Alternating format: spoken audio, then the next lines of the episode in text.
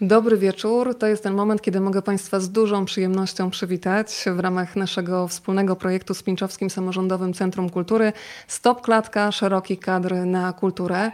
To oznacza, że znów będziemy zanurzać się w fantastycznym kinie Andrzeja Barańskiego, a dzisiaj w centrum zainteresowania film Tabu, który po raz pierwszy na ekranie pojawił się w 1988 roku. A po drugiej stronie już jest gość naszego wieczoru, Bernadetta Machała-Krzemińska, czyli filmowa Milka. Dobry wieczór. Dobry wieczór Pani Weroniko, dobry wieczór Państwu.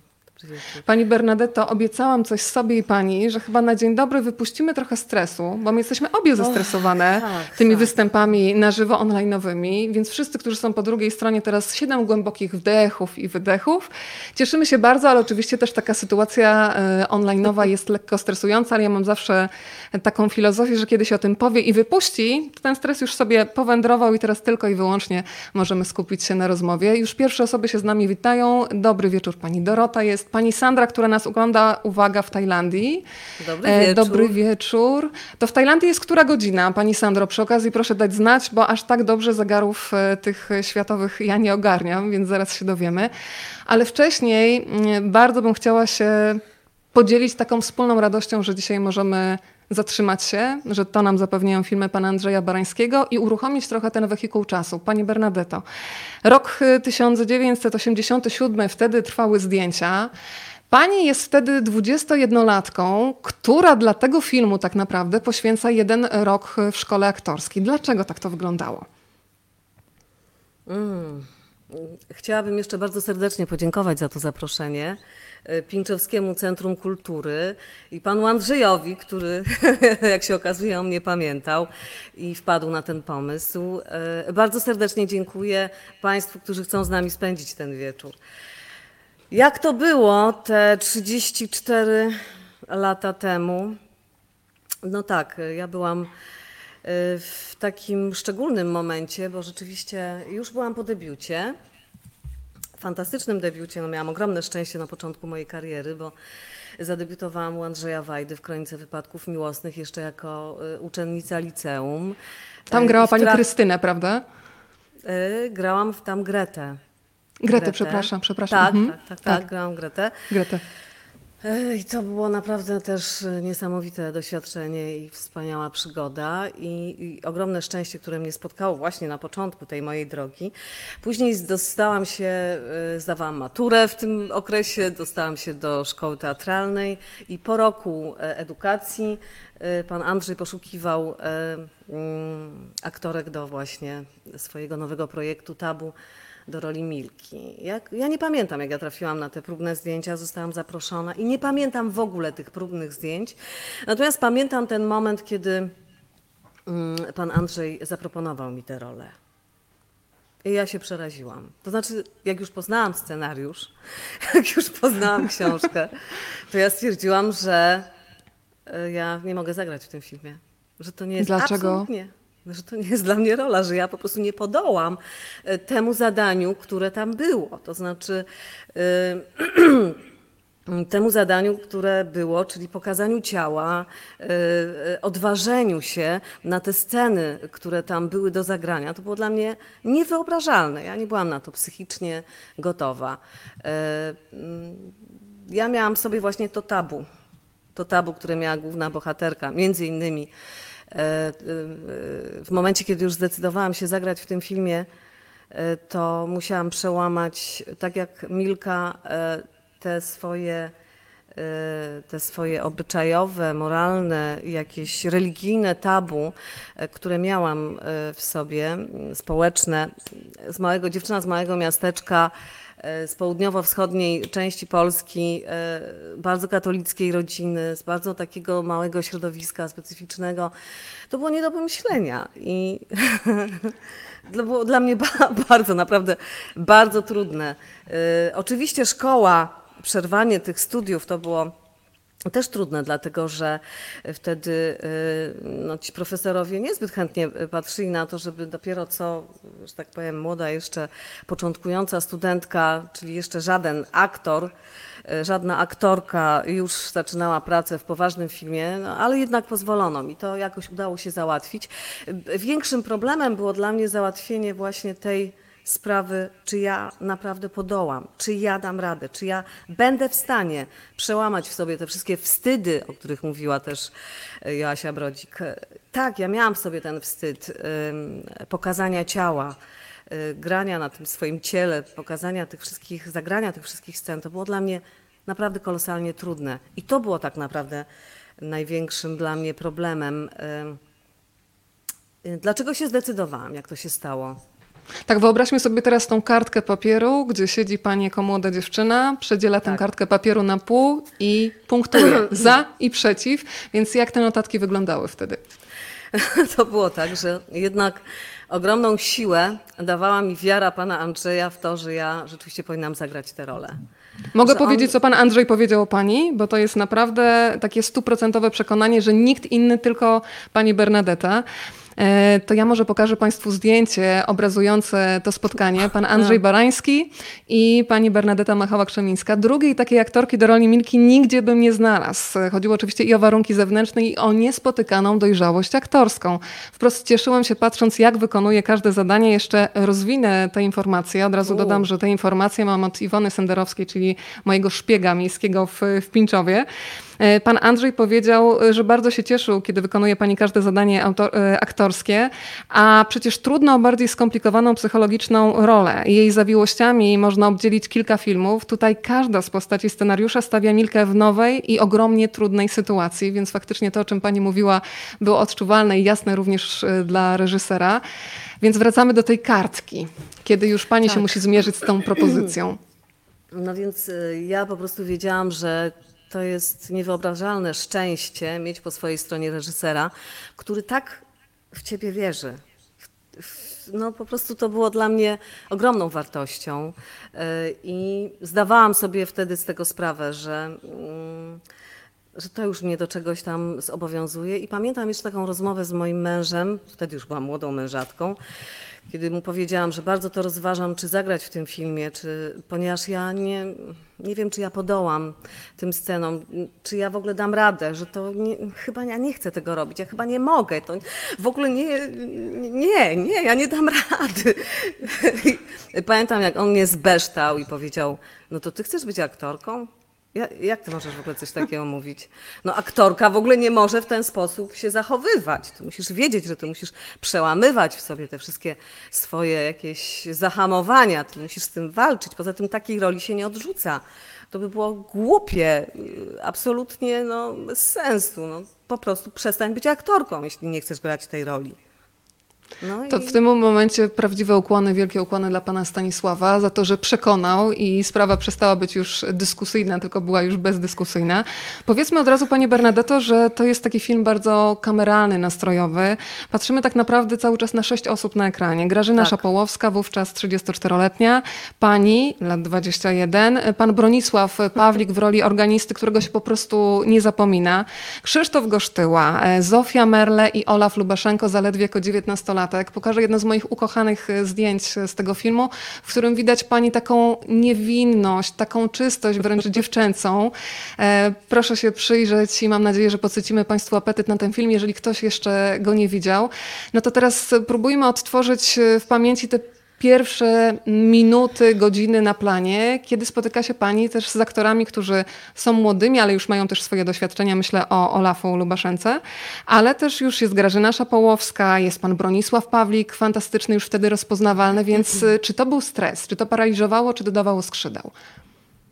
No nie, to był no, ogromny stres, pierwszy dzień na planie. Pamiętam nawet, jakie kręciliśmy zdjęcia.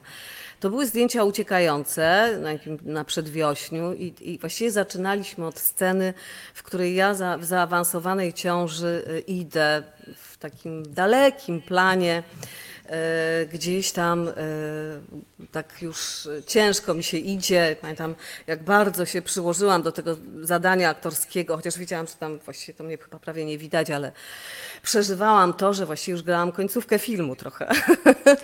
E, e, I to, to, to był chyba pierwszy dzień zdjęciowy. A spotkanie z aktorami, z Grażyną Szapowską, z Bronisławem Pawlikiem, z tą całą plejadą fantastycznych aktorów. Nie, ja, ja muszę powiedzieć, że ja czułam taką życzliwość, naprawdę taką empatię, taką, e, nie wiem, było tyle dobrych emocji na tym planie filmowym, że ja jakoś nie, nie wspominam tego, e, żeby mnie to w jakikolwiek sposób spinało zawodowo. Wręcz przeciwnie. Patrząc na to, jak oni grają, ja, że tak powiem, do, do, dostawałam skrzydeł. To mnie jeszcze bardziej, że tak powiem, mobilizowało do tego, żeby więcej jeszcze z siebie dać. Podczas tego cyklu Stop Klatka, Szeroki Kadr na Kulturę rozmawialiśmy m.in. o filmie Księstwo, który powstał na podstawie prozy Zbigniewa Masternaka. W przypadku Tabu znowu podstawą, taką bazą był tekst literacki fińskiego pisarza Timo Muki. Zastanawiam się, jak pani wchodziła w tą rolę. Rozumiem, że książka została przeczytana, ale ile jeszcze było takich wskazówek od reżyserskich, a ile własnej inwencji, na którą właśnie pozwalał czy nie pan Andrzej Barański?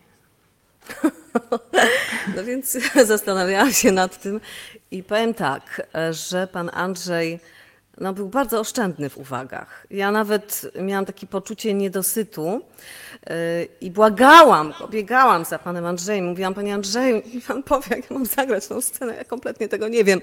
Co ja mam tu zrobić? Może za mało, może za dużo, może jeszcze, bo żebym wykorzystała potencjał tej sceny, tej postaci. A pan Andrzej z łagodnym uśmiechem e, mnie wyciszał, uspokajał i tak jak sobie przypominam, to raczej zdejmował ze mnie. Raczej e, wolał, żeby było mniej niż więcej.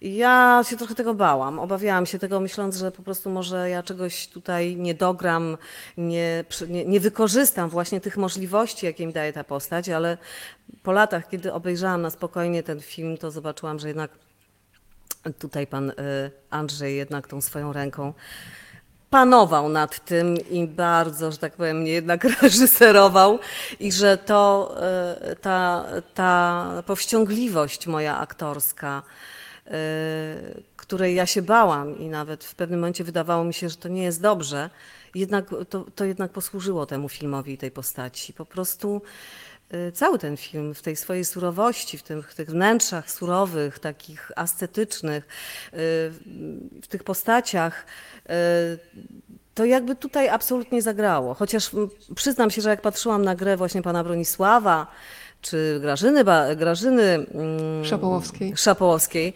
to, to tam się iskrzyło, tam było tyle kolorów, tyle emocji, że ja im zazdrościłam i uważałam, że ja też tak muszę że ja chyba też tak chcę i też powinnam. Ale jednak nie, jednak wydaje mi się, że, że to chyba była dobra, dobra e, droga.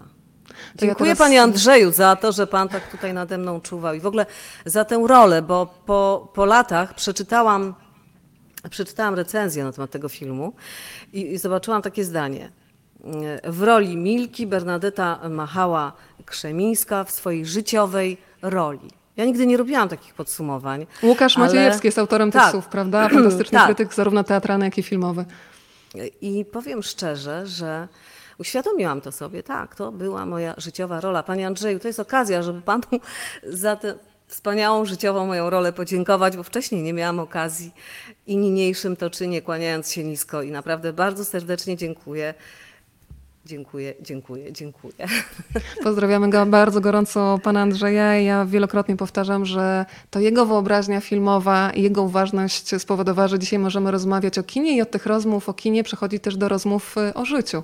Zobaczmy teraz jeszcze pana Bronisława Pawlika, czyli filmowego organistę obok naszej Milki. E, pan Andrzej Barański wspominał, y, że kiedy Bronisław Pawlik zapytał go o postać, którą miał grać, powiedział mu, żeby myślał o świętym Józefie. I wiele lat później kilkanaście dni przed swoją śmiercią na planie już innego filmu powiedział mu, że jest jednym z dwóch reżyserów, który tak trafnie powiedział mu, co ma grać. I warto też powiedzieć, że za tę rolę pan Bronisław otrzymał nagrodę na festiwalu tak. fabularnym w Gdyni za najlepszą rolę e, drugoplanową. E, pani Bernadetto, a jeżeli chodzi o Milkę, co dla pani było najważniejsze w takim właśnie pierwszym jeszcze intuicyjnym przeczuciu, e, oprócz tych wskazówek, których pani oczekiwała, a których było mało, bo myślę, że pan Andrzej też bardzo intuicyjnie zawierzył, że to niedoświadczenie jeszcze, bo to była przecież szkoła aktorska, chociaż już jak pani wspominała przecież o fantastycznym filmie u Andrzeja Wajdy, no mogło powodować taką świeżość i rodzaj zagubienia, o który przecież też w tym filmie chodziło, prawda?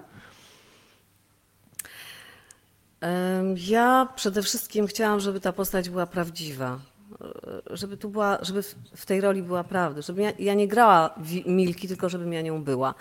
I prawdę mówiąc, e, ja nie miałam świadomości, jak ja blisko jestem tej postaci, jaki fantastyczny casting wykonał pan Andrzej, ponieważ no rzeczywiście moje życie w, tym, w tamtym czasie E, to było przełamywanie właśnie, o czym już wcześniej powiedziałam, tych tabu.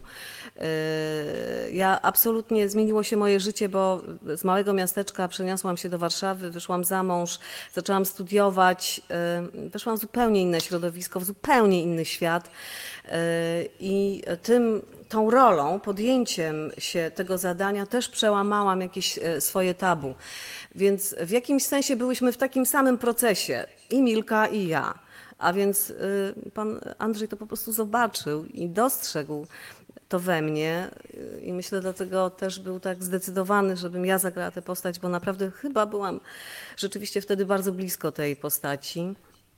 I to y, chyba zaowocowało później w tym filmie, bo rzeczywiście, powiem szczerze, dopiero po wielu latach obejrzałam ten film wczoraj, żeby mieć po prostu ten obraz na świeżo i I rzeczywiście jest prawda w tej postaci. To chyba mm, to muszę tutaj oddać też sobie jako aktorce, że, że to się jakoś udało i, e, i, i dobrze. No. To, to właśnie o to chodzi chyba w filmie i w aktorstwie. Wspomniała Pani o tym, że wróciła do tego filmu, a ja jestem bardzo ciekawa tej pierwszej reakcji, kiedy nadal ma Pani 21 lat, 22 lata i ogląda ten film po raz pierwszy. Widzi mm. siebie na wielkim ekranie, y, w tym filmie oczywiście, myślę o tym pierwszym pokazie e, filmowym. Ja wiem, że aktorzy są bardzo krytyczni wobec U. siebie. No a tutaj też mamy ten dodatkowy mm, czynnik, który może być paraliżujący, czyli jednak sporo na gości, jak na tamte czasy oczywiście na ekranie, która jest bardzo niewinna, jak się na to no patrzy dzisiaj, z dzisiejszej perspektywy. Z dzisiejszej no, perspektywy to naprawdę ale właśnie, zabawne. Czy, czy to, co w głowie ma Milka filmowa, czyli co ludzie powiedzą, co mhm. powie mama, co powie ktoś, czy to było i jak zareagowała w sumie mama, też jestem tego ciekawa, możemy no to było. zdradzić? Było, było. Nie zareagowała, po prostu o tym kompletnie nie rozmawiałyśmy. No, A pani jak zareagowała po pierwszym sensie? No, ja byłam z siebie niezadowolona. Po prostu chyba to jest też wpisane w ten wiek, że to jest taki wiek, w którym człowiek siebie nie akceptuje. Widzę na ekranie piękną, młodą, ciekawą dziewczynę, a ja wtedy Cudowną. Całą, całą masę kompleksów. Naprawdę y, totalnie siebie nie lubiłam. Przyczepiałam się do wszystkiego i, i to było też... Później obejrzałam ten film i pomyślałam sobie, o matko, co ja tam wykonałam. Rany boskie. Wszystko nie tak. Absolutnie A kiedy wszystko. ludzie komplementowali, to jak pani reagowała, mówiła, że nie wiem, nie dowierzała pani, mówiła, że tak, dlaczego kłamią, tak, bo myślałam, przecież komplementowali. Tak, słyszałam bardzo dużo dobrych e, recenzji też w środowisku e, z, z, wśród aktorów, kolegów, wszyscy jakoś tak bardzo pozytywnie mówili o mnie w, tej, w tym filmie i w ogóle o całym filmie oczywiście też. A ja po prostu patrzyłam na to z niedowierzaniem i myślałam sobie, że no po prostu żartują sobie. No to, to nie jest prawda. No. Ja naprawdę tam dałam plamy i dałam ciała. to, to było naprawdę idiotyczne. Dzisiaj, kiedy o tym myślę, to po prostu chcę mi się z tego śmiać. E, potrzebowałam, rzeczywiście potrzebowałam paru lat, żeby się z tym rozprawić, żeby zupełnie na to inaczej spojrzeć. No tak było. No nic na to nie poradzę. tak Muszę było. powiedzieć Pani Bernadetto, że jest bardzo międzynarodowo, bo jesteśmy y, na deszczowej Sri Lance, proszę sobie wyobrazić. Jesteśmy już we wspomnianej Tajlandii, jesteśmy w Londynie i właśnie Pani Sandra z Tajlandii pisze, że bije od Pani ogromna skromność. Dzisiaj bardzo rzadka cecha, więc od razu dobre słowa na bieżąco bardzo przekazuję. Dziękuję. Jeżeli Państwo, na pewno Państwo zauważyli plakat, który się znajduje za plecami pani Bernadety, ja jeszcze go zaraz też pokażę na środku ekranu, tabu, czyli pojawia się drugi Andrzej w tej opowieści, czyli Andrzej Pongowski. I może to jest bardzo dobry moment, bo przecież ta grafika jest też bardzo y, znacząca, żeby trochę porozmawiać o tej interpretacji, bo dla mnie pani Bernadetto film Tabu to jest taka opowieść z jednej strony o budzącej się seksualności, o ciele, które się domaga spełnienia, o tym strasznym podziale, który bardzo często w naszych głowach funkcjonuje funkcjonuje na duszę i ciało, jakby to były dwie odrębne całości. Również o presji religii i o tym strachu, co ludzie powiedzą, i o takiej też y, przeszywającej potrzebie bliskości. Dla mnie też y, historia o takiej mm, zgodzie na los, jakikolwiek on by nie był. Więc zastanawiam się, Pani Bernadetto, y, dla Pani jako widza, co najmocniej zadziałało w filmie Tabu pana Andrzeja Barańskiego? Przepraszam, ale nie mam mm, obrazu. Nie wiem, czy Pani mnie widzi. Czy, czy Widzimy nie? panią doskonale, tak. Okej, dobrze, to ja w takim razie nie wiem, coś tutaj się stało z obrazem. Y, Jeszcze raz, y, przepraszam, bo tutaj z, y, straciłam przez chwilę kontrolę nad obrazem.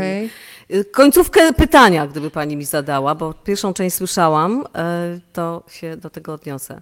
Dobrze, ja przy okazji jeszcze powiem, że kolejne osoby y, podziwiają piękny tembr głosu. To ja od razu też powiem Pani Bernadetto, że kiedy Panią pierwszy raz usłyszałam przez telefon, to zapragnęłam, żeby Pani miała audycję codzienną w radiu, z którą mogłabym się budzić y, codziennie rano. Naprawdę i mówię to z całego serca. I dołączyła jeszcze do nas y, Lizbona, więc bardzo się z tego cieszę.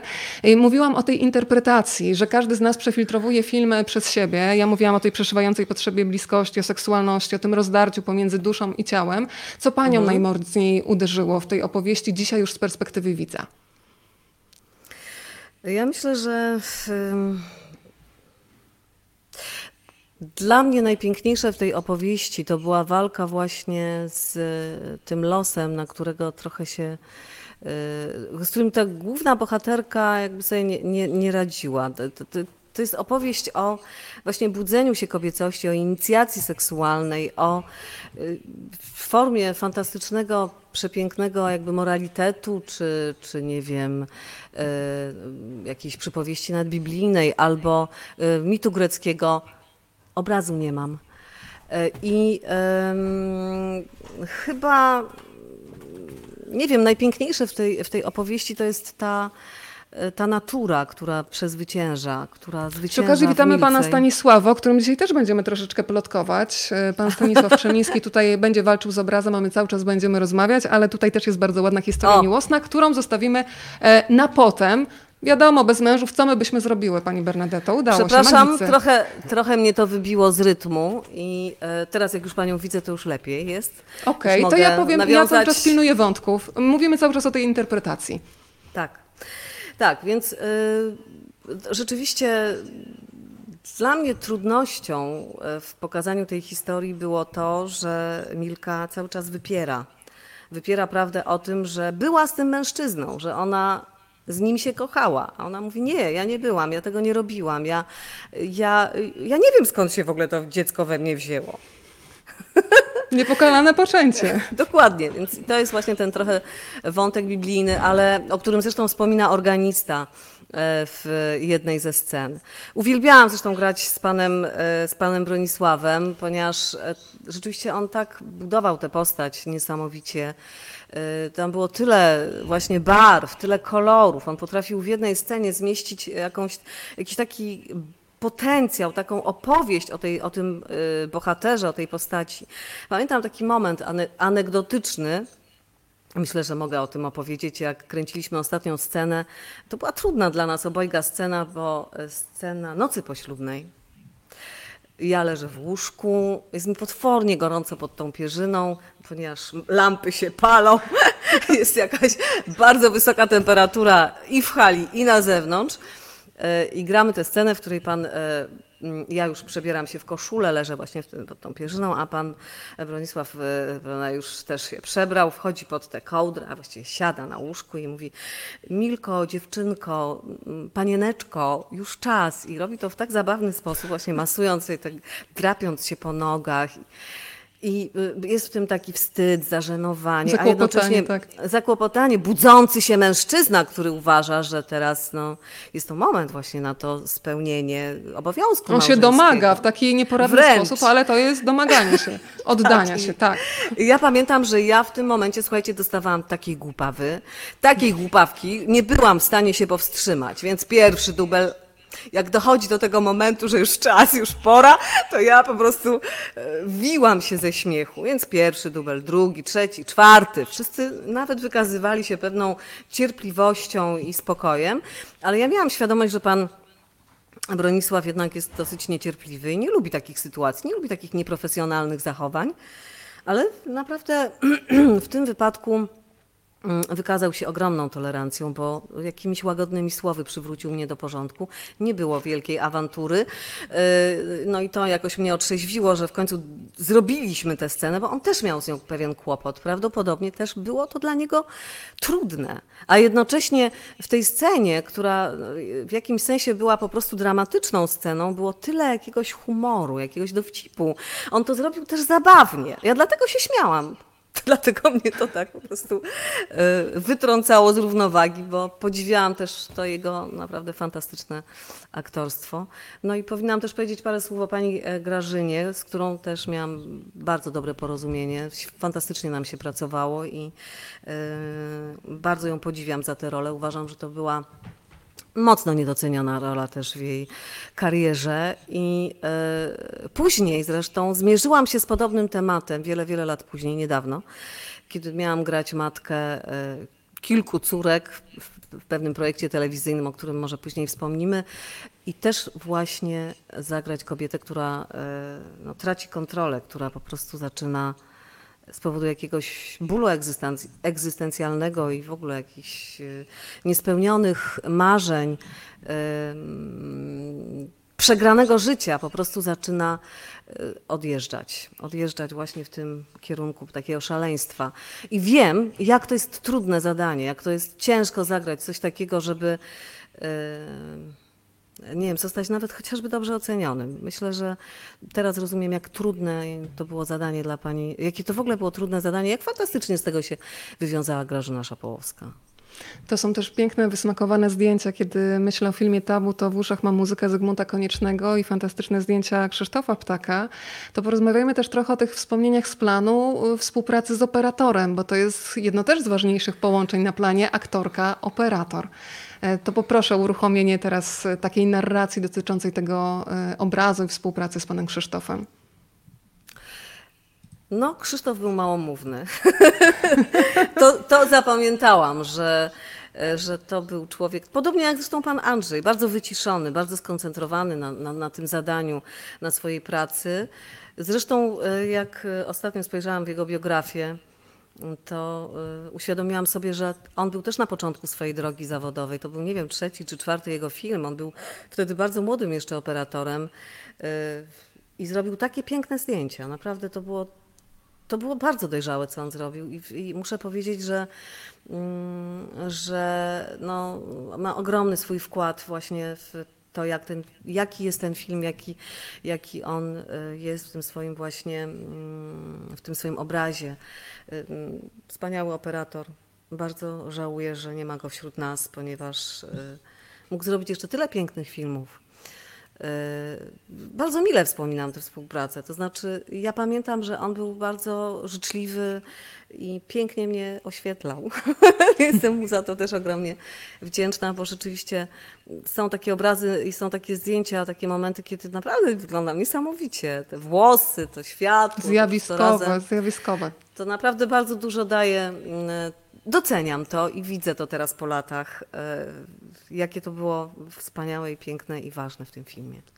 Padło piękne zdanie o świetle na planie filmowym, ale myślę, że Państwo się ze mną zgodzą, że od Pani Bernadety bije takie światło. Zresztą komplementy nadchodzą. Pozdrawiamy z Pińszowa od Pani Kamili. Piękny talent, piękne loki od zawsze. No, tych loków się też nie, nie, nie sposób po prostu nie dojrzeć. E, do loków też dojdziemy i do tego, że córka podobno zazdrości, ponieważ loki jakoś nie zostały odziedziczone dziwnym trafem. Nie. Ale teraz jeszcze trochę przypomnę to, jak był film Tabu realizowany. To znowu są informacje od Pana Andrzeja, które teraz upublicznię. Mm. Film był realizowany w bardzo trudnych warunkach, opowiadał pan Andrzej Barański Iwonie Senderowskiej. E, poza wytwórnią filmową, w dekoracji zbudowanej w szczerym polu, na pustkowiu, nic nie tak. było proste i łatwe, choćby kwestia nagości, to już omówia, omawiałyśmy. Mhm. E, I tutaj też mamy sytuację, że początkowo zdjęcia podobno miały być te plenerowe, realizowane w Finlandii albo na północy Rosji, ale scenograf znalazł idealny plener blisko Łodzi w Parku Krajobrazowym. Dekoracja była budowana w zimie.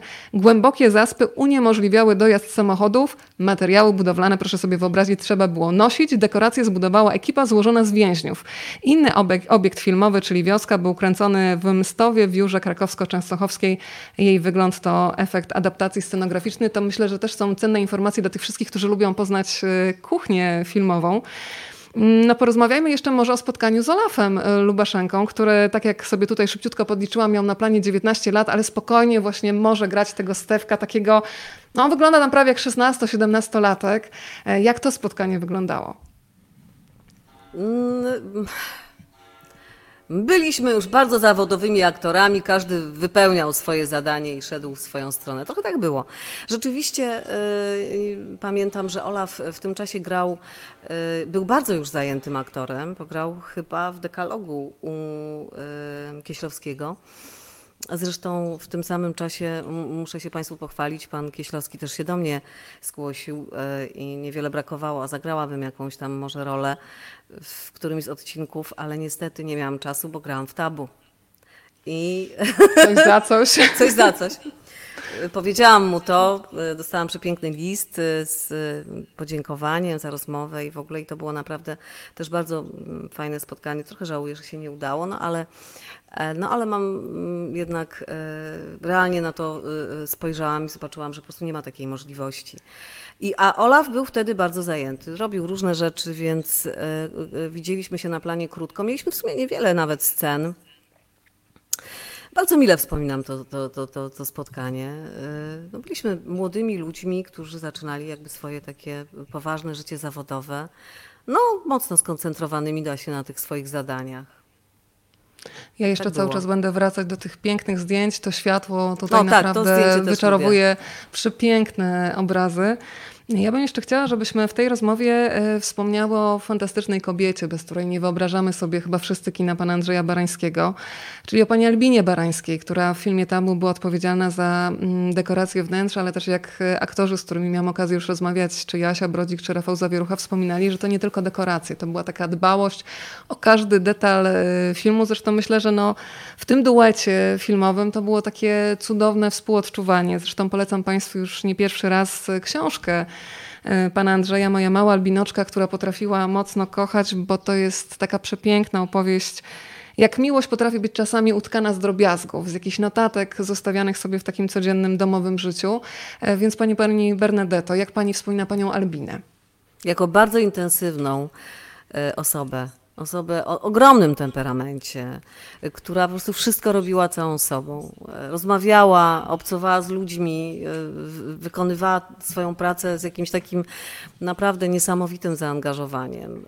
Zresztą wydaje mi się, że była niesłychanym wsparciem też dla pana Andrzeja.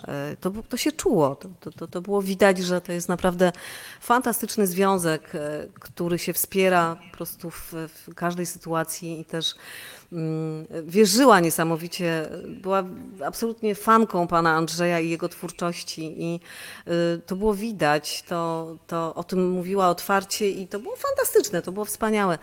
Bardzo lubiłam panią Balbinę i mm, y, y, wykazywała, wysyłała w moją stronę bardzo dużo takiej naprawdę świetnej, dobrej, pozytywnej energii. Bardzo ciepło i serdecznie zawsze myślę o pani, Ba- pani, pani Albinie Barańskiej. To teraz jeszcze wracam cały czas do tych pięknych y, obrazów z filmu. Pan Krzysztof Gosztyła, czyli filmowy Krystian. Ale bardzo jestem ciekawa, bo dzisiaj oczywiście jesteśmy skoncentrowane na filmie Tabu, w którym pani zagrała Milkę i jak napisał Łukasz Maciejewski, może dzisiaj mówić o tej roli, roli życia, ale zastanawiam się, jak z punktu widzenia widza, który z filmów Andrzeja Barańskiego y, jest pani taki dla pani najbliższy? Myślę o jakimś takim filmie, który wprowadza rodzaj takiego rozedrgania, który się nosi w sobie często nawet po latach, e, kiedy się już wychodzi z seansu. Ja wiele filmów pana Andrzeja lubię, bardzo wiele filmów lubię. Z tych późniejszych, które powstały już po naszej współpracy, czyli po 1988 roku. Bardzo lubię parę osób, Mały Czas, bardzo lubię Dwa Księżyce, bardzo lubię właśnie Dzień Wielkiej Ryby. Ale ogromnym sentymentem, i o tych filmach tutaj chciałabym teraz wspomnieć, y, ogromnym sentymentem darzę te filmy, które obejrzałam jako pierwsze, czyli te filmy, które obejrzałam przygotowując się do pracy z panem Andrzejem. To były Niech cię odleci Mara i Kobieta z prowincji. Szczególnie uwielbiam Kobietę z prowincji. Ja, jak obejrzałam ten film, to zobaczyłam moją matkę, moje ciotki, moją babcię, moje sąsiadki. Jako dziewczyna z prowincji po prostu zobaczyłam te wszystkie kobiety, e, które znałam, bo to była właśnie o nich opowieść. Cudowna rola Ewy Dałkowskiej, wspaniały obraz prowincji, ale pokazany właśnie w, nie takie żyćko, nie, to, to było przetworzone, pięknie, formalnie pokazane. Ym, Naprawdę chociażby ta słomka pływająca po tej wodzie, ten, ten symbol tego losu, na, którego, na który chyba nie mamy żadnego wpływu i to, że ta bohaterka przyjmowała to wszystko jakby tak normalnie, nie buntując się przeciwko tym wszystkim przeciwnościom, marząc o miłości, marząc o tym, żeby zapewnić swoim dzieciom e, wszystko, co trzeba, zmagając się z tym życiem na tej szarej prowincji, a jednocześnie właśnie tak jakby afirmując e, tę codzienność i to życie. No, wspaniały film i naprawdę cudowna rola Ewy Dałkowskiej. No właśnie pan Andrzej ma ten dar, że, że daje aktorkom takie fantastyczne role. Na przykład Krystyna Janda w filmie Parę osób mały czas. To była zupełnie inna rola Krystyny Jandy, gdzie pokazała zupełnie inną twarz i, i to, jaką wspaniałą jest aktorką.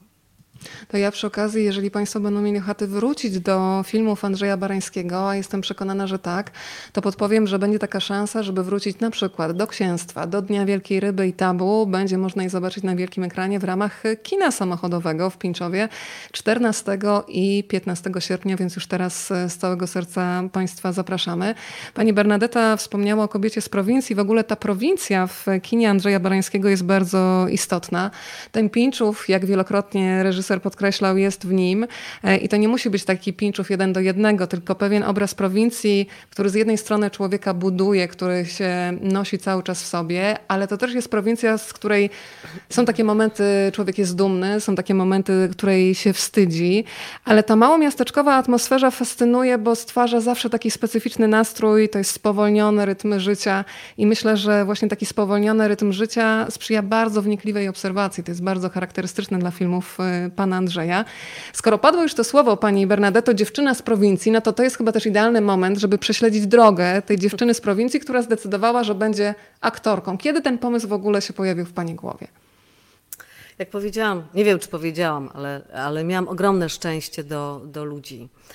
E, I na samym początku, jeszcze będąc e, licealistką, e, spotkałam na swojej drodze fantastycznego człowieka, świetną instruktorkę teatralną, panią Barbarę Płocicę, która prowadziła mm, w moim e, mieście eksperymentalną grupę teatralną. I ponieważ uczestniczyłam w konkursach recytatorskich, i ona mnie na jakimś tym konkursie zobaczyła i zaproponowała mi właśnie, żebym e, znalazła się w tej grupie, że, że bardzo by chciała, żebym ja w tej grupie teatralnej była.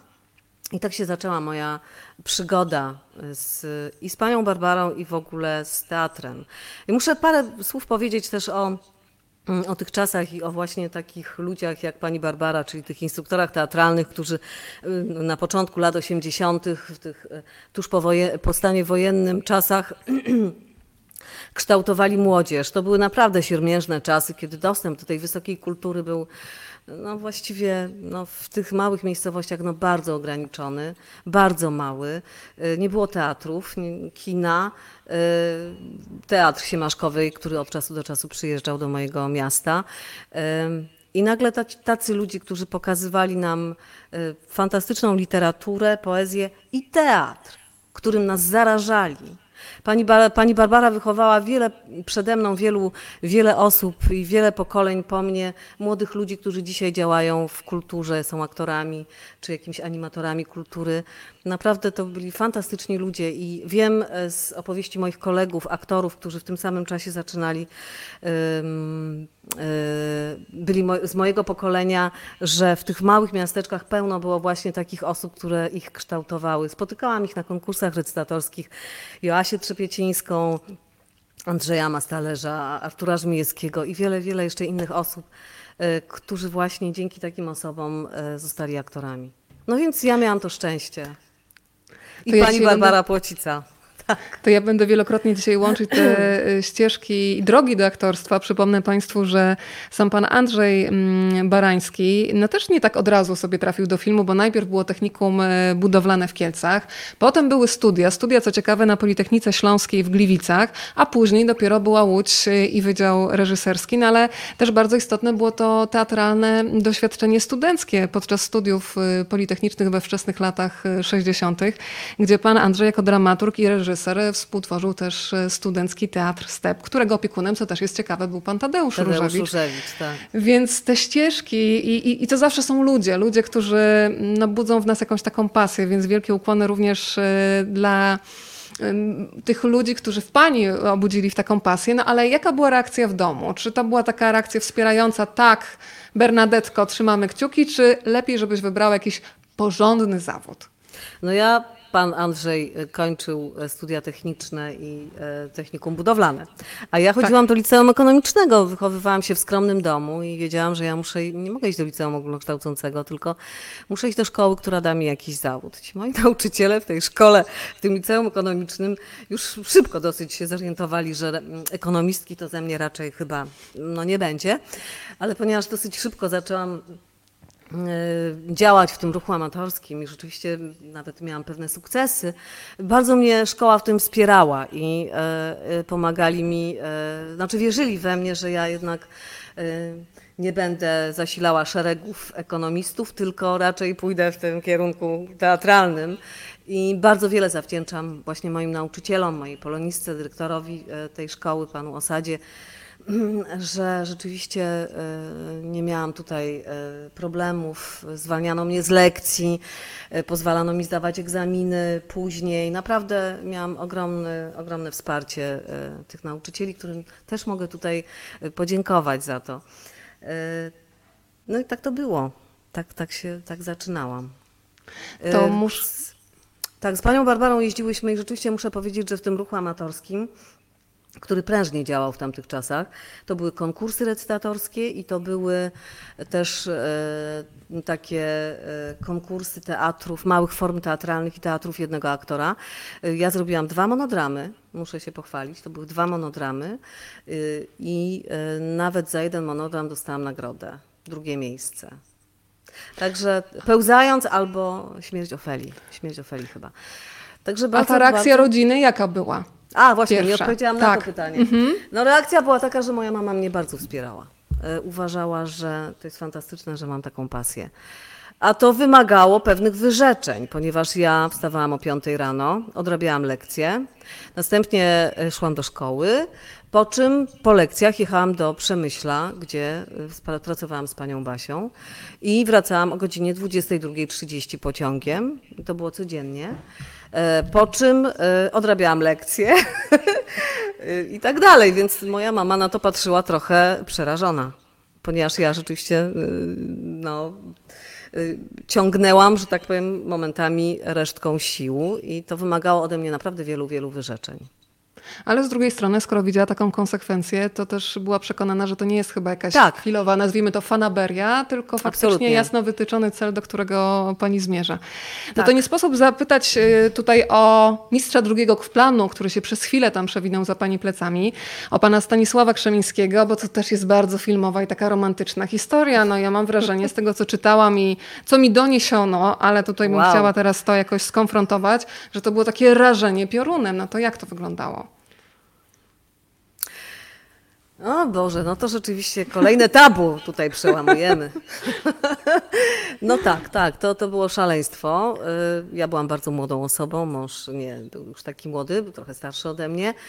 I, y, no i spotkaliśmy się na planie Kroniki Wypadków Miłosnych. Y, Spotkaliśmy się właściwie jeszcze na etapie próbnych zdjęć mm, w Przemyślu i w Teatrze Fredreum i tam e, chyba to wtedy tam nastąpiło, ale nie u mnie. Nie, ja jeszcze nie byłam. No tak, słyszałam, że to pan Stanisław był tym bardziej zaangażowanym na początku. tak. To było zresztą trudne, wymagało wielu wyrzeczeń. Trudny związek na początku. E, musieliśmy pokonać wiele przeciwności losu, żeby razem być. E, I, e, no ale jesteśmy już 34, dokładnie. Do, w 87 roku również wzięliśmy ślub, czyli tyle lat, ile e, lat temu zagrałam w plebanii, taki mamy staż, czyli, przepraszam, nie w plebanii, tylko w tabu.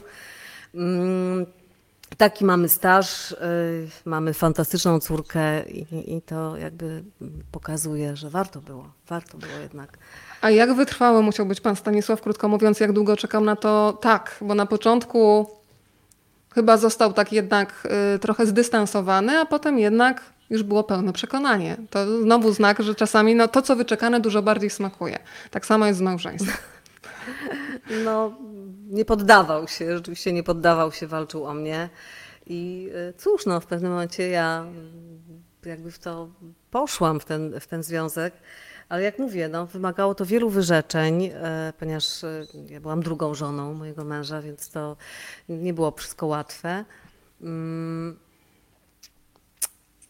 nie umiem tego powiedzieć, jak to się stało. Po prostu przyszedł taki moment, że postanowiliśmy razem być i, i no i, i, i trwamy w tym związku do dnia dzisiejszego. E, ale to, był, to było też fantastyczne. To, to, to, to, to było bardzo różnie odbierane w środowisku. Pamiętam rozmowę z panem Andrzejem Wajdą, pamiętam jak byłam wzywana do szkoły, rozmawiała ze mną moja profesorka, e, która mi mówiła, że no, no nie, nie, nie, nie, nie za bardzo. I to, to, to, było bardzo trudne. Ale przezwyciężyliśmy, przezwyciężyliśmy to i jakoś udało się to wszystko tak poukładać, że mm, te nasze stosunki rodzinne są bardzo dobre. Myślę, że więcej niż poprawne. Także jeżeli chodzi również o e, te e, inne osoby, które jakby e, też były wplątane w to, że no, byliśmy razem, tak? Czyli, czyli dzieci na przykład z poprzedniego związku mojego męża, to się udało jakoś tak poukładać, że mamy bardzo, bardzo dobre relacje. A jak ważne jest to w takim związku, w takiej relacji, że y, oboje są Państwo z tego świata filmowego? E, pan Stanisław Krzemiński, producent, scenarzysta, reżyser. E, mam wrażenie, że to bardzo spaja i też pomaga zrozumieć tę drugą stronę, bo jeżeli jest ktoś, kto jest z kompletnie innego e, świata, to myślę, że wiele wątpliwości, takich codziennych rozterek związanych z tym zawodem, no może być niezrozumianych. Więc to pomaga, czy przeszk- może przeszkadza? Może ja sobie snuję jakąś wizję, która nie ma potwierdzenia w rzeczywistości więc pytam. Czasami pomaga, czasami przeszkadza. Kiedy przeszkadza, kiedy pomaga?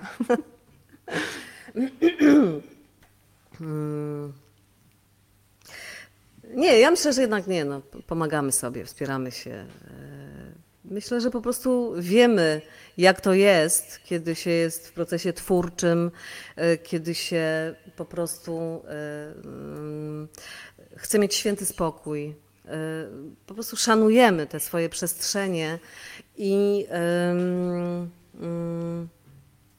i możemy na siebie liczyć w każdej sytuacji. To jest dla mnie chyba najważniejsze, że ja mam poczucie, że w każdej sytuacji mogę liczyć na mojego męża, czy to zawodowej, czy to y, prywatnej, a on y, ma chyba to samo przeświadczenie. No właśnie, jakby dajemy sobie też bardzo dużo, dużo wolności. I to chyba też jest y, jedną z najważniejszych rzeczy w związku. Chyba nie tylko takim, w którym się pracuje twórczo, w ogóle w każdej relacji. Żeby dawać sobie tę wolność i y, mieć do siebie zaufanie. To prawda. Ja jeszcze wrócę do kolejnego pięknego kadru z filmu Tabu i zapytam o tę szkołę aktorską, bo tutaj troszkę się prześliznałyśmy, bo powiedziałyśmy o tym, że to była trudna decyzja, powiedziała pani, e, żeby zdecydować się na tę rolę, między innymi ze względu na nagość, ale o czym też e, sam pan Andrzej wspominał, zaraz sięgnę do swoich notatek, że on trochę, kiedy się dowiedział, że straci pani przez to rok w szkole teatralnej, no to trochę się zaczął obawiać, chociaż z jednej strony no, musiał dbać jakby o swój interes, interes filmu i robił wszystko, żeby pani się zgodziła, ale z drugiej strony, yy, o, mam już tutaj dokładny cytat, więc nie będę tutaj narracji mhm. jakiejś wprowadzać obcej, tylko dosłownie zacytuję. Przed laty, kiedy dowiedziałem się, że pani Bernadetta, żeby zagrać w moim filmie, będzie musiała powtarzać rok na uczelni, mimo że bez niej nie wyobrażałem sobie tego filmu, była wprost stworzona do tej roli, to jednak uwierała mnie myśl, że mm, czy, czy na pewno postępuje rozsądnie. Przecież film, który ma dopiero powstać, zawsze jest wielką niewiadomą, a robienie przerwy w studiach zaledwie po ich rozpoczęciu jest krokiem ryzykownym. Ostatnio, w związku z rekonstrukcją cyfrową filmu, znowu zobaczyłem tabu ze wspaniałą rolą pani Bernadety i z satysfakcją pomyślałem, że postąpiła wtedy bardzo rozsądnie. To są słowa pana Andrzeja Barańskiego. E, no a powiedzmy w ogóle, dlaczego ten rok został stracony? Czy nie dało się tego połączyć? Czy nie zgadzały się mm, władze uczelni? I czy to jedno opóźnienie wyszło pani na dobre? Czy żałowała pani? Jak można o tym opowiedzieć?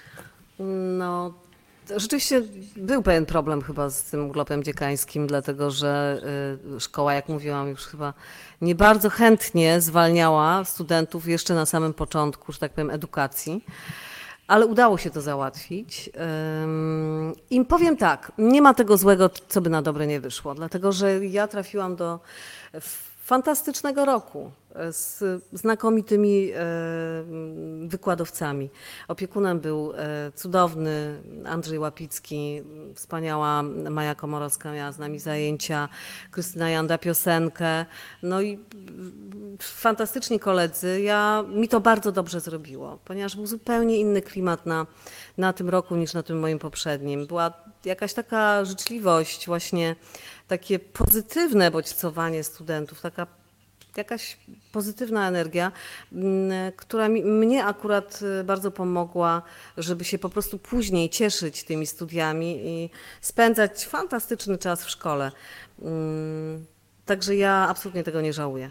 To ja się znakomicie ułożyło dla mnie. Ja, ja się jeszcze zastanawiam, czy wśród tych wykładowców, którzy byli oczywiście nauczycielami zawodu, zdarzali się też tacy nauczyciele życia. Bo mam wrażenie, że każdy z nas, kiedy wraca, niezależnie od tego, jaki zawód wykonuje do lat szkolnych, to gdzieś na swojej drodze lokalizuje potem takie właśnie światła w postaci ludzi, którzy gdzieś nam zapalali to zielone światło, dodawali wiatru w żagle. Więc czy również w szkole aktorskiej, oprócz tego typowego rzemiosła, może Pani powiedzieć o kilku osobach, które stały się też takimi no, nauczycielami na życie? Na pewno takim mistrzem była Maja Komorowska dla nas, ponieważ e, ona nie uczyła nas tylko samego aktorstwa, ale jakby mm, też jakim być człowiekiem i, i jaki się powinno mieć stosunek do tego zawodu. Bardzo duże też e, wrażenie na mnie wywarło spotkanie właśnie z Krystyną Jandą, która akurat w tym czasie była w ciąży i e, uczyła nas piosenki. To był taki trochę eksperyment chyba w jej wykonaniu, chociaż hmm. wiem, że chyba później też wykładała w szkole aktorskiej, ale w tym momencie i pamiętam, że e, to było naprawdę fan, fantastyczne spotkanie, e, bo, bo też zobaczyliśmy po prostu e, ważne było, że się pracuje też z wybitnymi aktorami, że oni są nas, naszymi mistrzami. I wydaje mi się, że dobry wykładowca to nie tylko ten, który uczy tego, tego rzemiosła, ale też jakby stosunku do sprawy, stosunku do, do tego zawodu. Jakim należy być człowiekiem i jak należy. E, znowu pani nie widzę, no ale mam nadzieję, że pani mnie widzi. Ja widzę, widzę, widzę i państwo też widzą. Nie, wyłącza, wyłącza mi się kamera. Poprosimy e, mistrza drugiego planu na plan. Zaraz, właśnie, zaraz chyba się pojawi. Słyszałam trzaśnięcie drzwi. Czujny, czujny jest, całe, czujny jak całe szczęście, całe, całe szczęście. Ja nie, nie dotykam ekranu. Nie dotykam myszki. W ogóle nie sam się po prostu, sam się po prostu wyłącza. Momencik. Zaraz będziemy znowu.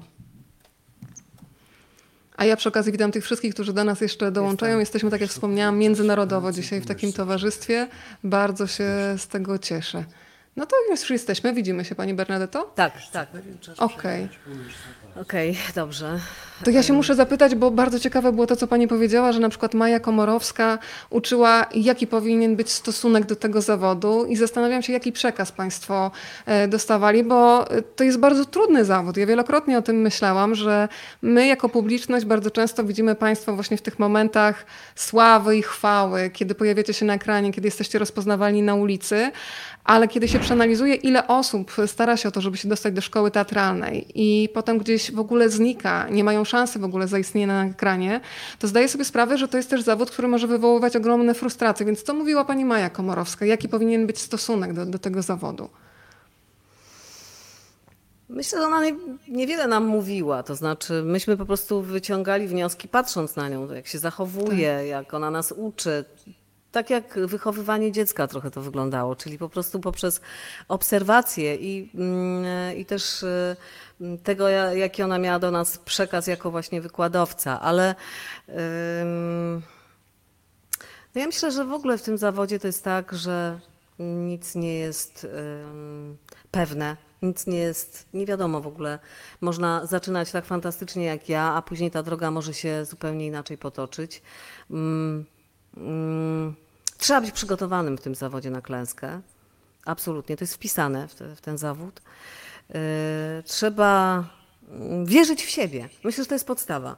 Kiedy, jeżeli człowiek wierzy w siebie i wierzy, że ym, że ma potencjał, wierzy, że ma coś do przekazania i wierzy, i nieważne, czy ktoś ci będzie mówił, że jesteś beznadziejnym aktorem, jeżeli ty wierzysz w to, że, y, że nie, to jesteś w stanie to udowodnić i na pewno, na pewno jesteś w stanie to y, gdzieś pokazać. Coś osiągnąć tym. Y, chociażby przykłady Rafała y, Zawieruchy, który mówił, że trzykrotnie zdawał do szkoły aktorskiej, prawda? On wierzył Tak. w to, że to ma sens. Y, Ostatnio czytałam wywiad z Christine Scott Thomas, która mówiła, że w Anglii, skąd pochodzi, bo jest Angielką, y, mówiono, że jest kompletnym beztalenciem i absolutnie nie powinna być aktorką. Wyjechała do Francji, gdzie po prostu nagle okazało się, Ludzie że o nie mieli. Tak. Cudowną aktorką, fantastycznie grającą w filmach. Teraz jest głównie francusko-angielsko, hollywoodzką aktorką, więc e, okazało się, że to jest nieprawda. Po prostu trzeba wierzyć w siebie i to jest podstawa. I o tym też mówiła nam Maja Komorowska, że jeżeli ty w siebie nie wierzysz, no to kto ma w ciebie uwierzyć?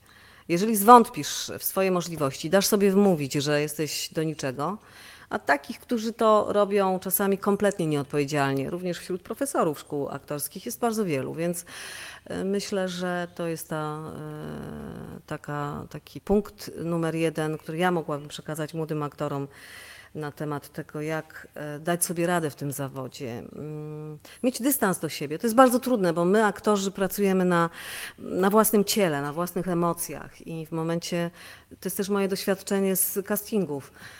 Nie znam aktora, który by uwielbiał chodzić na próbne zdjęcia, ale klęska przegrana jest wpisana w próbne zdjęcia, bo jeżeli 100 aktorów y, startuje do castingu, to wygrywa tylko jeden, a tych 99 no, y, poniosło jakąś klęskę, no, nie dostali tej roli, prawda? I trzeba nauczyć się z tym żyć, trzeba nauczyć się mieć do tego jakiś odpowiedni stosunek. No, bycie aktorem jest trudne, dlatego ja nie byłam zachwycona, jak moja córka nagle mi oznajmiła, że ona też chce być aktorką. W, e, e, będąc w klasie maturalnej, absolutnie wcześniej nie, nie, nie dając żadnych sygnałów, bo ani nie interesowała się, nie uczęszczała na żadne kółka teatralne, ja tak jak ja, prawda? Więc ja absolutnie byłam uśpiona w tej sprawie, uważałam, że ona będzie robiła inne rzeczy. No ale Skoro pojawiło się hasło córka, to pokażę Państwu oczywiście Julię Rosnowską wspólnie na jednym planie razem ze swoją mamą. Myślę o Drogach Wolności w reżyserii pana Migasa. Producentem tego filmu był pan Stanisław e, Krzemiński.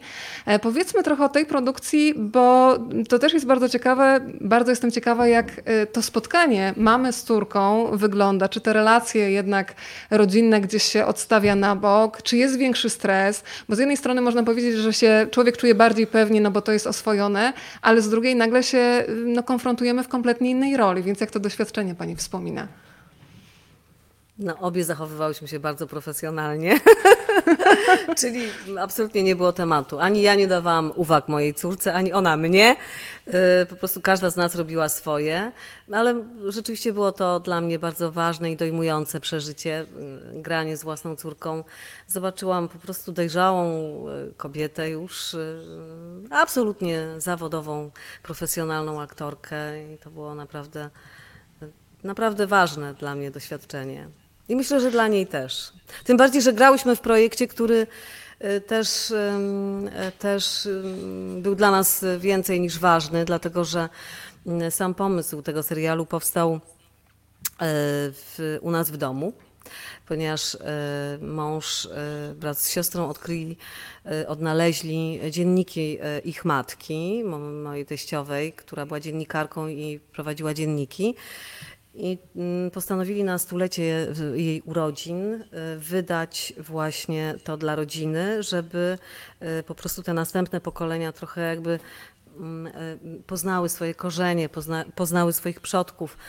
I to był taki impuls, to był taki pomysł na to, żeby w pewnym momencie Mm, ten temat, e, temat tej rodziny e, posłużył do opowiedzenia o jakiejś historii, na, o, o odrodzeniu się polskości na stulecie niepodległości. Właśnie taki był pomysł, żeby ta rodzina była pretekstem do opowiedzenia pewnej historii e, o, i pokazania historii właśnie tego e, ważnego momentu w naszej, w naszej hi- historii naszego kraju.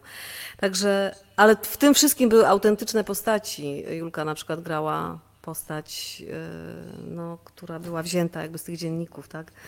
Także to była taka inspiracja. I Lala bardzo Osobisty, tak, osobisty projekt, tak. Pokażę piękne zdjęcia, które otrzymałam od pana Stanisława. E, Fantastyczne kobiety, nie tylko kobiety, ale wybienie kobiety. Katarzyna Zawadzka, która grała Alinę Biernacką, Paulina Gałąska jako Marynia, Julia Rosnowska, wspomniana w tym przepięknym kapeluszu, pani Anna Polony, e, pani Izabela Kuna, e, więc i oczywiście pani tutaj na ekranie to spotkanie i to zdjęcie, które faktycznie mam wrażenie, jak taki wehikuł czasu nas przenosi. Ale czy dzisiaj pani jako mama z córką rozmawiacie o zawodzie aktora? Czy coś się zmieniło? Czy pani udziela rad? Czy tak naprawdę już czerpiecie z siebie, z, może z in... właśnie, czy to podejście do zawodu się zmieniło, czy nie? Mm, czy moja córka ma inne podejście do zawodu Tak, czy, ja? czy na pyta jakieś rady, czy, Tak, nie. czy to podejście jest inne? Gdyby pani sobie wyobraziła siebie w jej wieku dzisiaj, y, na ile miała takiej śmiałości współczesnych aktorów mających po dwadzieścia kilka lat, 30, y, a jak to wyglądało, gdybyśmy tak No podzieliły? no. Jest in, inaczej. Julka została wychowana w zupełnie innym miejscu, w innym środowisku i ona nie ma takich e, tabu jak ja miałam w jej wieku, więc to jest już zupełnie inne pokolenie. Wydaje, nie wiem, czy to jest kwestia miejsca urodzenia, czy to jest kwestia w ogóle pokoleniowa, ale wydaje mi się, że oni już są inni pod tym względem. Mają dużo większą samoświadomość, mają zupełnie inny dostęp do informacji, do wiedzy o świecie niż myśmy wtedy mieli, więc e, absolutnie są dojrzalsi, jeżeli chodzi o mm, taką samą świa- samoświadomość. Ja to tak widzę. Samoświadomość i em, dojrzałość e, i po prostu wiedzę na swój temat. Także ja niewiele mówię mojej córce. Ona tego absolutnie nie potrzebuje. Ale Ja jak jestem mnie bardzo- pyta o jakąś radę, to oczywiście bardzo chętnie e, powiem, jak, co ja o tym myślę, ale, ale tak naprawdę to ja mam do niej ogromne zaufanie. Zaufanie do niej, do tego, do jej intuicji. I uważam, że tego się trzeba też w życiu trzymać bardzo. Kolejne osoby do nas dołączają. Dobry wieczór, Jasiu. E, Późno, ale udało się dotrzeć. Bardzo się cieszę, że Państwo są po drugiej stronie. Zasłuchani, pozdrawiają, ale też można spokojniej. Tutaj to jest dobry moment, żeby Państwa ośmielić, też zadawać pytania dotyczące filmu Tabu, ale też szeroko pojętego aktorstwa. Jeżeli tylko jest ciekawość, proszę zamieniać tę ciekawość na pytania. Z przyjemnością będę przekazywać. Pani Bernadetto, jestem swoją drogą bardzo ciekawa, e, co Julia powiedziała po zobaczeniu Tabu, kiedy właśnie usiadła i zobaczyła mamę na ekranie, e, no w, w początkach tej aktorskiej kariery. Więc muszę pani powiedzieć, że ja nie wiem, czy ona widziała ten film. Ale chyba widziała. Nie, nie rozmawiałyśmy na ten temat. Myślę, że jestem przekonana, że, że było jej trudno oglądać e, mnie e, w tym filmie, że w ogóle trudno jej było oglądać, bo nagle widzi swoją mamę w jakiejś takiej, takiej roli. To myślę, że dla dziecka to musi być trudne. Ale nie rozmawiałyśmy o tym. To może dzisiaj jakoś- wieczorem się pani dowie. Może dzisiaj porozmawiamy. To będzie punkt wyjścia. No to muszę zapytać, już zbliżamy się powoli do końca, też o tą rolę życia, bo możemy mówić o wielu rolach filmowych, e, aktorskich w teatrze, ale jestem bardzo ciekawa, na ile pani w tym takim osobistym postrzeganiu, na ile co zmieniło macierzyństwo? Czy pani była e, gotowa, świadoma, czy, czy to jest coś, do czego się dojrzewa? Bo teraz żyjemy już na szczęście w takich czasach, gdzie też się zdarzają momenty, gdzie kobiety już nie mówią tylko o tym luksze, ale też mówią o tym, że to macierzyństwo bardzo zmienia. Mówią o tym, że też jest zawsze coś za coś, że nie da się w pewnym momencie być w 100% super zawodowo i super zawodowo y, i super się spełniać domowo. Więc to macierzyństwo, ta rola życia, y, poproszę o pani refleksję. Ja uważam, że to była najwspanialsza rola mojego życia i jest, bo ciągle ją kontynuuję. No, myślę, że w pewnym momencie rzeczywiście pamiętam rozmowę z taką, z moją panią profesor e, z zupełnie innego pokolenia, starą aktorką, która powiedziała mi, że w jej pokoleniu aktorki świadomie podejmowały decyzję, żeby nie być matkami bo to jakoś nie wpisywało się w bycie aktorką. To by za bardzo ograniczało mm, rozwój zawodowy, rozwój y, jako aktorki. Ja nie mogłam tego zrozumieć. Wiem, że tak było. Nie, ja bym w życiu mm, czegoś takiego nie chciała. Uważam, że, że fantastyczne jest w życiu, że można za, zaznać i doświadczyć właśnie e, bycia aktorką, uprawiania tego zawodu, jednocześnie bycia matką, bycia żoną, e, korzystania, e, znaczy życia po prostu i czerpania z tego życia wszystkiego, co jest, mm, co jest możliwe. Po prostu nie, nie wyobrażam sobie na przykład, gdybym miała taką życiową sytuację, że przechodzę z roli w rolę, cały czas jestem zawodowo zajęta, a gdzie jest ten czas na życie, na wychowywanie dziecka, na spotkanie z przyjaciółmi, na y, wieczorne posiedzenie z psem na kolanach czy kotem, na pójście do ogrodu, na jakąś wycieczkę, na wyjazd, na spotkanie z przyjaciółmi. Nie, nie wyobrażam sobie tego. To wszystko jest ważne i potrzebne, żeby w życiu tego doświadczać. Tak jest moje zresztą pani credo Piękne życiowe. życie właśnie, tak, żeby nie przegapić. Przypomniało mi się słowa e, Jerzego Śladkowskiego, fantastycznego też polskiego dokumentalisty. Pamiętam, że do dzisiaj, już chociaż to było wiele lat temu, e, z- jedno zdanie e, z jego warsztatów, kiedy powiedział, że w tym zawodzie w ogóle filmowym, w jego przypadku reżyserskim, bardzo łatwo przegapić też własne życie, bo angażujemy się w tyle różnych historii, Tak. a gdzieś coś pomiędzy może uciec. Padło hasło pies i kot. Przepraszam, ale ja jestem ogromną psiarą, kociarą zresztą pewnie też, jeszcze to może przede mną. Mam piękne zdjęcie od pani z archiwum prywatnego. Ja wiem, że to są już wspomnienia, ale ja mam wrażenie, że te wszystkie takie ży- żywe istoty, które nam towarzyszyły, które z nami są, to wpływają na rodzaj naszej wrażliwości. Więc na tym portrecie oczywiście jest fantastycznie uśmiechnięta pani Bernadetta, ale też jest jakiś czworonóg, możemy trochę o nim powiedzieć. No, to jest już. Pięć lat temu odszedł mój pies, który się przyplątał do nas, Nero. Jak widać, był czarny, więc miał e, imię Nero, ale ja już mam następne zwierzęta. Teraz jest rudy, jest sepia, jest e, kilka kotów, które posiadam. E, Są dwa psy mojej córki, także mamy tutaj niezłą menażerię, bardzo dużo zwierząt i jestem e, czasami. O, to jest też mój już nieżyjący kot, pierwszy mój kot, Scott się nazywał, kot właściwie mojej córki. E, No, ale jesteśmy wierni zwierzętom. Nie wyobrażamy sobie życia bez zwierząt. E, To jest przyjemnie po prostu e, obcować ze zwierzętami, pomagać im też. Świat jest taki brutalny. Więc jak jakiś kot i pies mają dobrze, no to, to dobrze. Mówiłam, że to ciepło bije od pani Bernadety. Tutaj się człowiek nie myli. Od razu wszystko jasne. Ja mam takie doświadczenie, ponieważ jestem właścicielką psa. W zasadzie to chyba ona ma mnie, a nie ja ją. O, Od tak. y, ośm, czy my się słyszymy? Oj, czy my się słyszymy? Jest, słyszymy się, tak. E, Od Ja panią słyszę. miesięcy. O, ja już teraz tak na momencik mnie jakoś tak Mhm. zamroziło, że to jest takie doświadczenie wejścia w ocean czułości, miłości. Kocham w ogóle ten psi zapach spokoju. Nie wiem jak to nazwać, ale jeżeli spokój może pachnieć, to, to mój pies pachnie spokojem, chociaż jest bardzo taki ADHD, ale jak się już przytula, to jest spokojem. Natomiast na koniec bardzo bym chciała, bo ja wierzę w to Pani Bernadetto, że warto składać takie życzenia do wszechświata, bo kosmos czuwa. Taka rola życia, o której Pani marzy, bo coraz więcej aktorów y, jakby przejmuje stery we własne ręce, czyli zaczyna coś dla siebie też y, tworzyć, albo nazywaj na głos, mówi o takich rolach, y, które mm, aktorzy, aktorki chcieliby zagrać. Jest coś takiego, o czym Pani myśli? Na pewno są jakieś role, które gdzieś tam mam z tyłu głowy, ale mówi się, że nie należy tego wypowiadać głośno, żeby tego nie zapeszyć. Natomiast y, ja wierzę w to, że tak jak mi się przytrafiło w wieku 20 lat rola życia, to może jest jeszcze szansa na to, że może w wieku 60, może 70 lat przytrafi mi się rola życia, która y, y, y, będzie takim strzałem dziesiątkę i będzie akurat. y, mm, będzie na miarę właśnie mnie w takim właśnie momencie życia. E, Byłoby fantastycznie. E, Ale ja nie, ja, ja staram się, żeby moje marzenia były e, takie spokojne. Jeżeli coś, wierzę, że jeżeli coś będzie mi pisane, to to, to się zdarzy i spokojnie na to czekam. Oczywiście staram się być aktywna, kombinujemy z koleżanką, myślimy o tym, że może trzeba temu, temu, tem, tej, temu losowi wyjść naprzeciw. I Trzeba dać tam- losowi szansę, tak. tak, tak, tak, tak jak w tym dowcipie, więc staramy się dać tę szansę i coś tam myślimy, coś kombinujemy, ale to jest jeszcze ciągle na takim e, etapie, o którym jeszcze trudno cokolwiek powiedzieć. Więc na razie milczę, ale mam nadzieję, że, że coś wy, wy, wymyślimy. Bardzo oprócz mocno tego razie. Ciągle jestem aktorką i mam nadzieję, że, że jeszcze przede mną jakaś przyszłość e, w tym zawodzie jest. A jestem jeszcze ciekawa już na koniec, przepraszam, ale przyszło mi do głowy, ja tej ciekawości nie potrafię powstrzymać. Jeżeli się na przykład zgłaszają do pani debiutanci, młodzi reżyserzy ze szkoły filmowej Etiudy e, i dzisiaj ja na przykład gdybym była reżyserką, to od razu bym się do pani zgłosiła. Już nawet konkretna rola mi w głowie powstaje, ale to No, studiów to nie ma, więc zapraszam. chyba nie wyjdzie.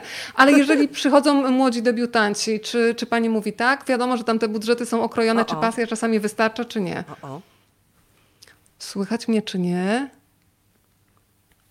Ja Czy pani słychać, nie czy słyszę, nie coś nam tutaj przerwało łącza. Pani Bernadetta mnie nie słyszy, widać. Słuchajcie, to nie wiem, czy się dowiemy do końca. Zaraz poprosimy naszego mistrza drugiego planu, czyli pana Stanisława, który być może nas jeszcze słyszy. A jeżeli nie, to po prostu będę musiała się telefonicznie połączyć, ale pan Stanisław już nadchodzi. To są jego kroki. To ja w tym czasie, drodzy Państwo, będę jeszcze tutaj narrację e, prowadzić. O, jesteśmy. Udało cudownie. się, udało Wiedziałam, się. że pan Stanisław nas uratuje. Nie, jeszcze nie doszedł, coś samo jakoś się Samo. wydarzyło. Państwo uspokajają, że wszystko słychać, czuwają, nawet jeszcze znowu kolejne mamy osoby y, dołączają. Ja słyszę cały czas, Państwo też. I czekam jeszcze na odzew z drugiej strony. Jak się dwie kobiety uprą, to po prostu nie ma takiej mocy, żebyśmy się nie dogadały. Ja jestem w stu procentach o tym przekonana.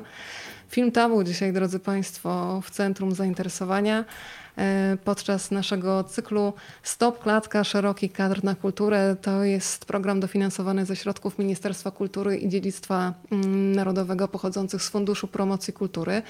Pani Bernadetto, czy my się słyszymy? Tak, tak, słyszę i Słyszymy. Cudownie. Tak. To ja w takim razie na pożegnanie y, trzymam bardzo mocno kciuki za te wszystkie projekty. Rozumiem, że jeżeli młodzi się będą zgłaszać nawet z takim no, Absolutnie. nieszalonym budżetem, Jestem to pani gotowa. rozważy. Absolutnie jestem gotowa na każdą propozycję. To proszę szykować przede wszystkim dobre scenariusze, bo to jest warunek y, konieczny. A ja y, już na koniec bardzo gorąco chciałam podziękować panu Andrzejowi Barańskiemu w imieniu swoim i przede wszystkim w imieniu inicjatora tego projektu, czyli Pińczowskiego Samorządowego Centrum y, Kultury. Bardzo dziękuję za to, że pana wyobraźnia filmowa, pana uważność, to zwrócenie uwagi na zwykłego, czasem szarego człowieka pokazuje bardzo dużo. I my dzisiaj, wychodząc od filmów, y, mogłyśmy porozmawiać o życiu, aktorstwie. Panie Andrzeju, y, gorące uściski, takie mentalne, jeżeli mogę przekazać, a ze swojej strony jeszcze wielki ukłon w stronę Iwony Senderowskiej za to, że do tej filmowej przygody po prostu mnie zaprosiła. Ja bardzo serdecznie pozdrawiam i panią Iwonę, i pana Andrzeja i bardzo dziękuję za to dzisiejsze zaproszenie, za ten dzisiejszy wieczór. Bardzo serdecznie dziękuję państwu i pani, pani Weroniko, za urocze spotkanie. Pani Bernadetto, to podsumowanie od oglądających. Pani Sandra jest tutaj chyba taką wysłanniczką z Tajlandii, która pisze ogrzewające spotkanie, tyle ciepła dziś płynie z ekranu. Dziękuję za to, my Państwu też e, dziękujemy. I jeszcze dziewczyny piszą, jak cudownie e, tak sam, na sam wieczór poczuć tyle pozytywnej energii. Dziękuję dziewczyny. No to dziewczyny chyba mogę tak powiedzieć, Pani Bernadetto też dziękuję. Tak, prawda? tak, ja Super. też dołączam i dziękuję za tą pozytywną energię, która na mnie dzisiaj spłynęła. Bardzo serdecznie dziękuję. Bernadetta Machała-Krzemińska była dzisiaj razem z nami. Pięknie dziękuję za to spotkanie. Pozdrawiam.